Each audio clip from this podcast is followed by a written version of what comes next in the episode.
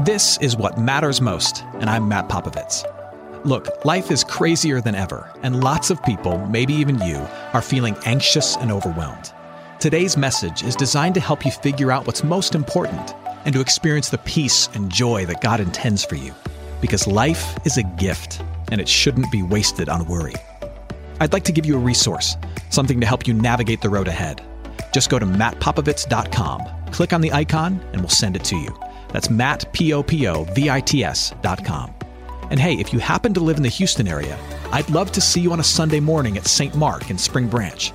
Head to stmarkhouston.org to plan your visit. Here's today's message. Thanks for listening.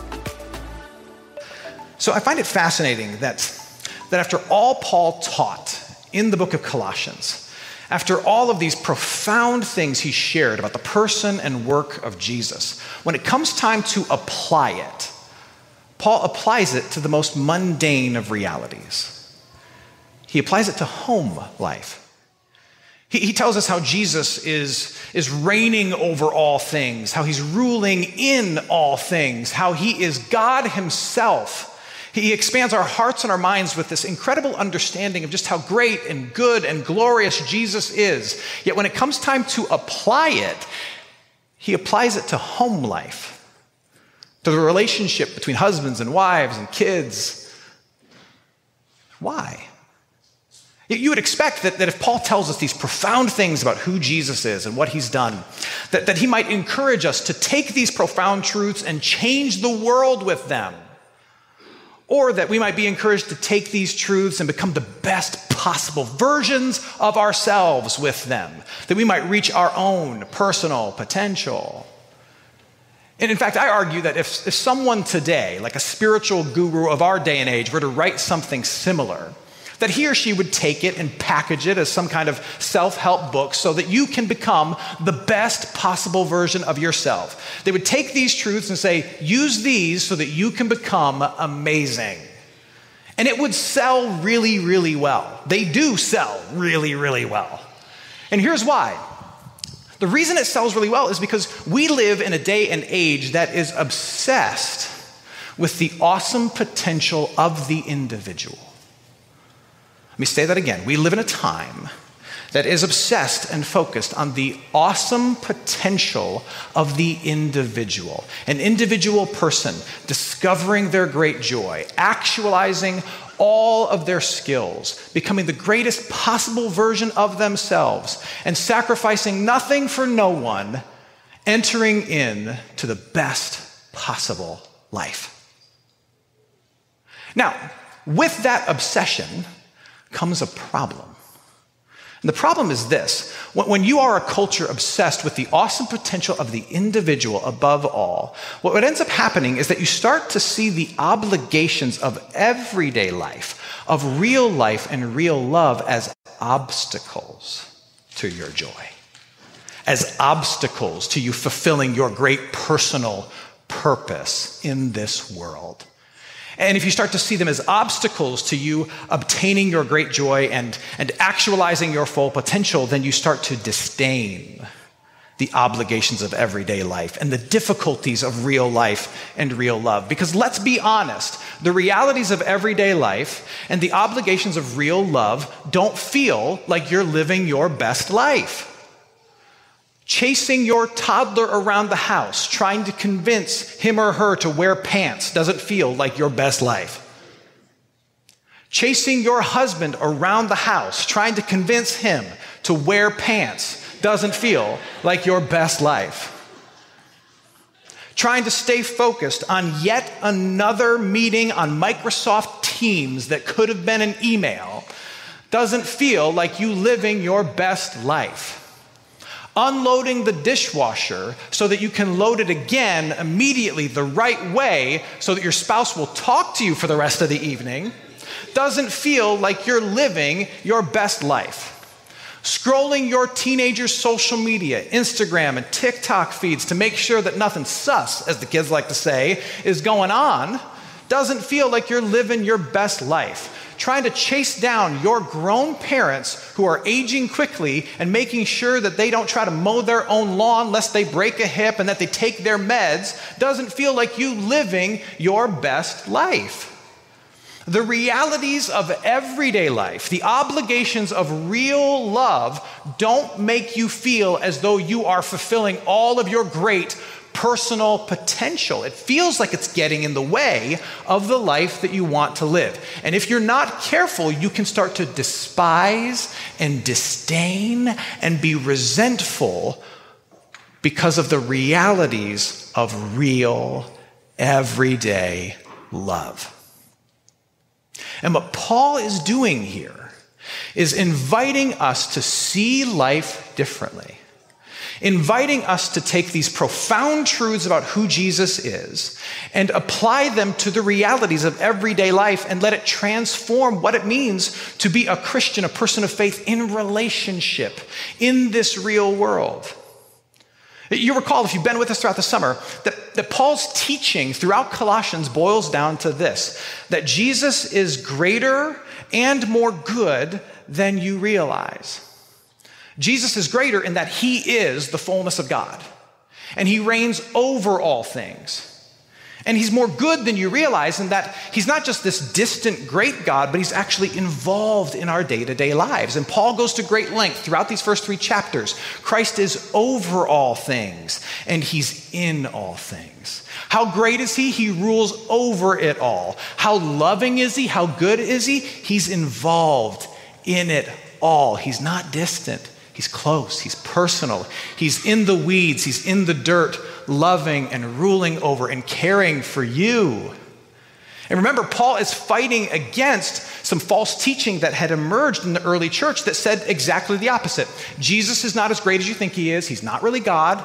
And the God that we do know does not care about your personal business, is not involved in your day to day life. He's very distant. And if you want to know him, you got to keep searching, you got to keep seeking, you got to you got to pay us to tell you some of the secrets about who God really is. And so in steps Paul, writing this letter and others, saying, No, Jesus is God. He's so great. He rules over all. He's so good and loving. He is involved in all things. Here's how involved he is. In order to make you right with the Father and right with the rest of the world, he didn't remain distant. He got close. He took on flesh. And he entered into your everyday life, everyday world. And he walked in our everyday shoes, down our roads, covered in our dust, dealing with our difficulties, facing our death, and then taking our place on a cross of punishment for all the evils in this world, put it all on his flesh, on his shoulders, shed his own blood and the end result of that is that there is forgiveness for you and for me. Because of his death, you are right with the Father. There's nothing between you and the God who made you. And you have the op- opportunity and ability to be right with the people around you. There's no reason to have strife between you and other people because the real problems have been solved by Jesus. As Paul says in Colossians, Jesus Christ, through his love for you, has reconciled you, made you right with all things that's how much he loves you. He got close to you in this world, lived, died, rose for you to make all your relationships better. And now, as a person of Jesus Christ, what, what Paul is trying to help you realize is that Jesus Christ is involved in all things, reigning and ruling in this world through your willingness to mimic him as you embrace the difficult realities of what it means for you to love your family well, for you to love your neighbor faithfully, for you to show up work, show up to work as your full self, not disengage from the task, but bring in the best. As you embrace the realities of everyday difficult love and life, Jesus Christ is reigning and ruling through you. Jesus has good things he wants to bring to your kids, and he's going to use you. Jesus has good things he wants to bring to your spouse. Guess who he's going to use? You. He has good things he wants to bring to your annoying coworker. Guess who he's going to use? You. He has good things he wants to bring to your block, to your neighborhood. Guess who he's going to use? You. Jesus is so great that he's above all things and so good that he's ruling in all things. And he's going to rule in all things, the complexities and difficulties of everyday life through you embracing the difficult realities of everyday life. You know, there's a story that's been told about JFK visiting NASA headquarters here in Houston during the, the heat of the space race, like 1961. And maybe you've heard this anecdote, this story before. But, but JFK is touring the NASA headquarters, and he's, he's there quite late at night.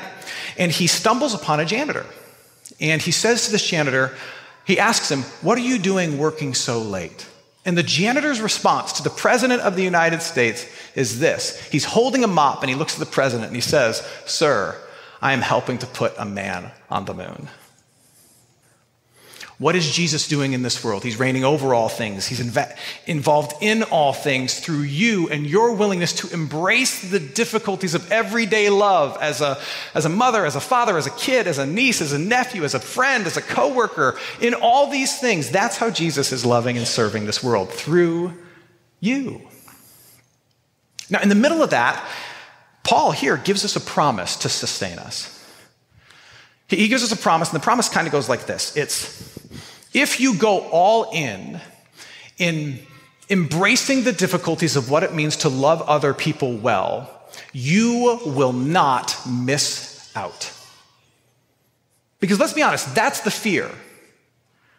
If I give myself over to what it takes to love these kids well, it takes a lot, or to love my spouse well in a difficult season, or to show up to a job that I don't really love or appreciate, to show up to it well, I, I don't want to lose myself in that. But the promise that's given to us is that you will not lose yourself. You, you, you will not miss out. Look, at, look at again to what, what Paul says to the household employees and, and to what he says really to everyone in the house in Colossians chapter 3, starting at verse 23. He says, Whatever you do, work heartily, work with your full heart, as for the Lord and not for men. And here's the key part knowing that from the Lord you will receive the inheritance as your reward. You are serving the Lord Christ. It's easy to overlook this, but this is a profound promise. What Paul is saying, led by God, is this I know that it's hard to be faithful in the little things, knowing that God is working through you. But as you are faithful in the little things, the difficult things of loving well, understand that Jesus sees you. He has not forgotten you, and that He will reward you. Now, you might be asking yourself, well, what kind of reward, Pastor Matt? Tell me what this looks like. We're not talking monetary rewards. It's actually better than that, although you probably won't appreciate that it's better until the very end. You know what the reward is? The scriptures talk about it a number of times. It's, it's God looking at you and noticing your faithfulness in the difficulties and realities of what it takes to really love and serve. And Him looking at you in the very end and the one who made you, the only one whose opinion ultimately matters, looking at you and saying, Well done, good and faithful servant. You, you know the feeling when someone whom you respect, who you want to be like when you grow up, notices your effort and looks at you and says, Hey, I see it. I see it. And I approve. You know how that fills your heart and soul, and you're like, yeah, I could do this for a little bit longer, knowing that they see me and love me and approve of me. Take that that feeling, multiply it a couple million times over, and that's the reward in the end. The maker of all things, seeing you, embracing what it takes to love those kids, love that husband, love that friend, be faithful at work, seeing that, knowing that you sacrifice so much of your awesome individual potential in order to be faithful to that, and the only one whose opinion matters looking at you saying, I see it, I saw it, and I approve. Well done, good and faithful servant. Hey friends, it's me, Matt, and with me is Rachel. Hey guys. And we're here to tell you about What Matters Weekly, a newsletter from MPM. Rachel, if they sign up for the newsletter, what do they get? Well, each week they'll get original content from you sent straight to their inbox, curated links from around the internet, and the latest on all things MPM, including episodes of this program, What Matters Most, as well as our podcast, Make It Simple. And here's how you sign up. Head to mattpopovits.com and click newsletter. That's Matt Popovits, M-A-T-T-P-O-P-O-V-I-T-S dot com and click newsletter. Yeah, and we'd love to stay connected with you every Friday with What Matters Weekly. Now, back to the show. Now, as I share this, I think there are, there are at least three people who need to be encouraged by this truth. I, there are a lot of people who need to be encouraged by this truth, but for me, there are three people who come to mind. The first is the mom among us of really small kids. And you know who you are. You're in that stage of life where, where the days are real long. The years are short, ah, but the days are real long. And there's a mom among us who is, who is working outside the home and, and, and trying to be fully engaged there, but also trying to be fully attentive to the needs of the family and who is feeling guilt in both directions. Because it's like, I can't do enough here, I can't do enough here. Am I a terrible person? I don't know. Or the mom who, who is able to be at home all the time and in her world it feels like has become like really, really, really small. Like, like she can sing the CoComelon theme song because it's, all, it's playing all the time on an iPad near her. Or she's gotten really good at, at, at folding miniature clothes and craving adult conversation. And as she folds those clothes, she's thinking to herself, uh, I have dreams too. And I have an education too. Have I set all that aside for this? and she feels the cost of what it takes for her to be present in her family intimately. Jesus' promise to you through the words of Paul is this He sees you, He has not forgotten you, and He will reward you. The other person I think this relates to is the, is the person who is. Um, spending a good deal of time taking care of their quickly aging parents. You had different plans for your 40s, 50s, and 60s. But, but now you find yourself worrying about mom and dad nonstop or, or going back and forth with your siblings about who weekend, whose weekend it is to spend some time with them and care for them or mow their lawn. And, and you, are tired of kind of chasing them down, getting to take their meds or, or, or taking so much time to take them to doctor's appointments. And it's tough because you feel like very often like they're pushing against the care that you're trying to give to them. Like they're not appreciating that it's a big sacrifice for you to be a good kid right now to them. You feel like they're working against all the love that you're trying to give to them. It is not appreciated. It is really, really hard. And you can feel all the other stuff, all the trips, all the time with your own grandkids that you're setting aside to be here and be a good daughter.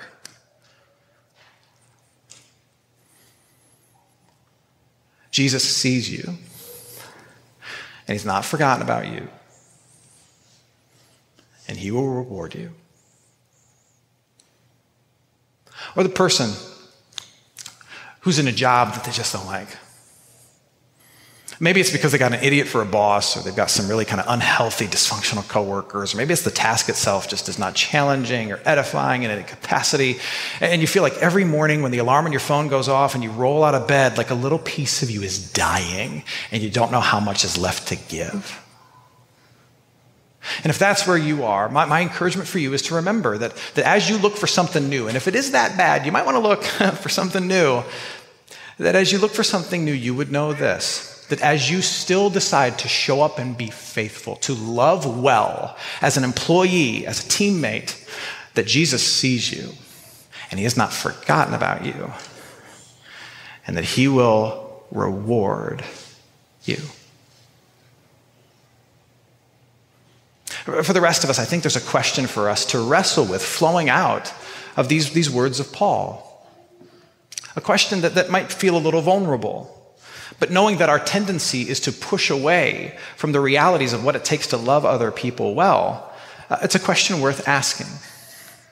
And the question is this How have I held back in my love of others? How have I held back in embracing the realities of what it means to love well at great cost to myself, in my family, or in my workplace, or in my neighborhood? How have I held back? Let me give you some examples. It, could be that, that, that in your marriage, you understand the love language of your spouse. You know what love languages are, right? It's, it's this idea that, that each of us has kind of our own secret way in which we, we feel and we receive love from another person. You know, so some of us, we feel most loved when someone gives a gift to us. Or we feel most loved when someone gives words of affirmation to us. Some of you are like, I feel most loved when everyone leaves me alone. Everyone's got their different language.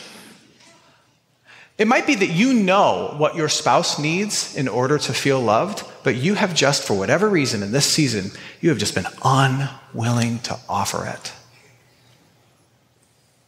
It happens. You are holding back in the hard realities of what it takes to love well, and it's time for that to end. Or maybe when it does come to work, you know that you've been mailing it in for a while.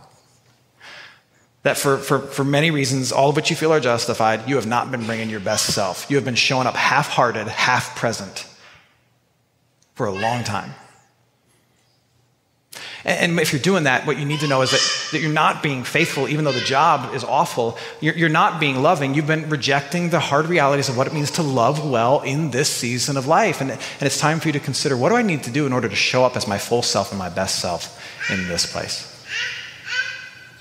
I don't know what it looks like for you, but maybe it's your neighborhood. You've noticed a need in your neighborhood, the lady across the street, the family next door, and over and over again, you thought to yourself, someone really should walk over there and talk to them. Someone really should do something. Someone really should step up and deal with this. You know who that someone is? It's you. How have you been holding back and embracing what it takes to love well? I'll close with this. One of the things that I really enjoy about being a pastor is marriage counseling. I really do, especially premarital counseling. I get to meet with a lot of young couples who are on their way to the altar, and we get to talk about life and love and marriage and Jesus and how it all fits together. And so I asked them this question um, what, what does real love look like? What does real love look like? Is it, is it having a romantic getaway twice a year? Is it is it holding hands at HEB even after all these years?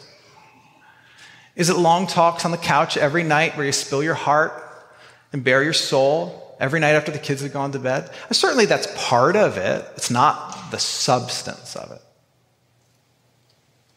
You know what real love is? Real love is pretending to like her show on Netflix. Real love is holding her bag as she tries on a dress. Real love is laughing at his jokes, putting up with his parents. Real love is choosing to reconcile a thousand times over the course of a life together over a million minuscule frustrations. That's real love. Real love is understanding that the great point and purpose of your life is not realizing the awesome potential of you as an individual. But real love is being willing to lose a bit of yourself in loving a sinful human being other than yourself. That's real love.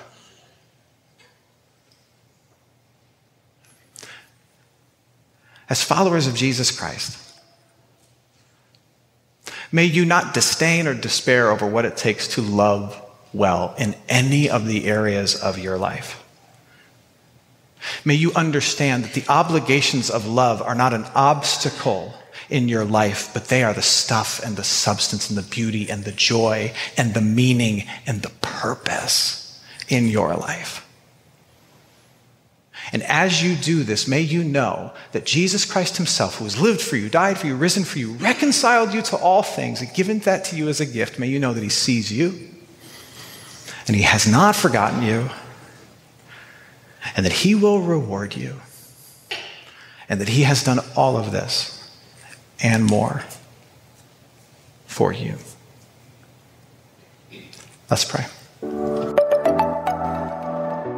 Hey, it's Matt. I hope you enjoyed what matters most. Here's what I need you to know life is a gift, and it shouldn't be wasted on worry.